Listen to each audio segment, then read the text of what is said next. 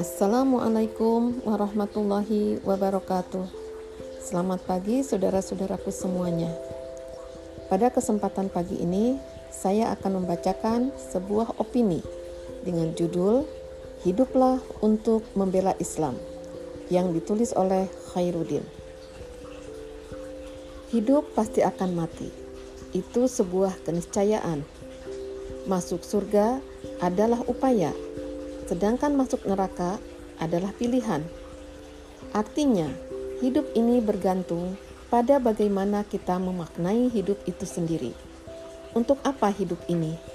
Apa yang harus dilakukan untuk menggapai tujuan hidup kita tersebut? Jelas, sebagai seorang muslim, gayah al gayah atau tujuan dari segala tujuan hidup kita adalah keriduan Allah semata.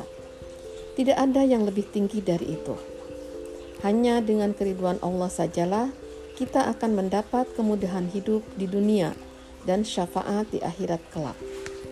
Secara akli, tatkala kita menyadari bahwa kita ini adalah makhluk ciptaan Sang Khalik, Allah Subhanahu wa taala, maka dengan sendirinya akan muncul dalam diri kita dorongan dan semangat untuk mengabdi kepada Sang Pencipta kita akan melaksanakan segala perintahnya dan menjauhi segala larangannya walau terasa berat sekalipun. Adapun secara nakli, Allah Subhanahu wa taala telah berfirman, A'udzu billahi minasyaitonir rajim wa ma khalaqtul jinna wal insa illa liya'budun. Tidaklah aku menciptakan jin dan manusia kecuali untuk beribadah. Quran surat Zariyat 51 ayat yang ke-56.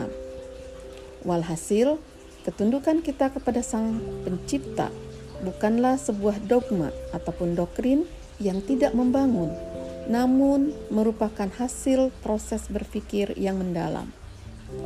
Akan tetapi, tidak cukup hanya sampai di sini saja.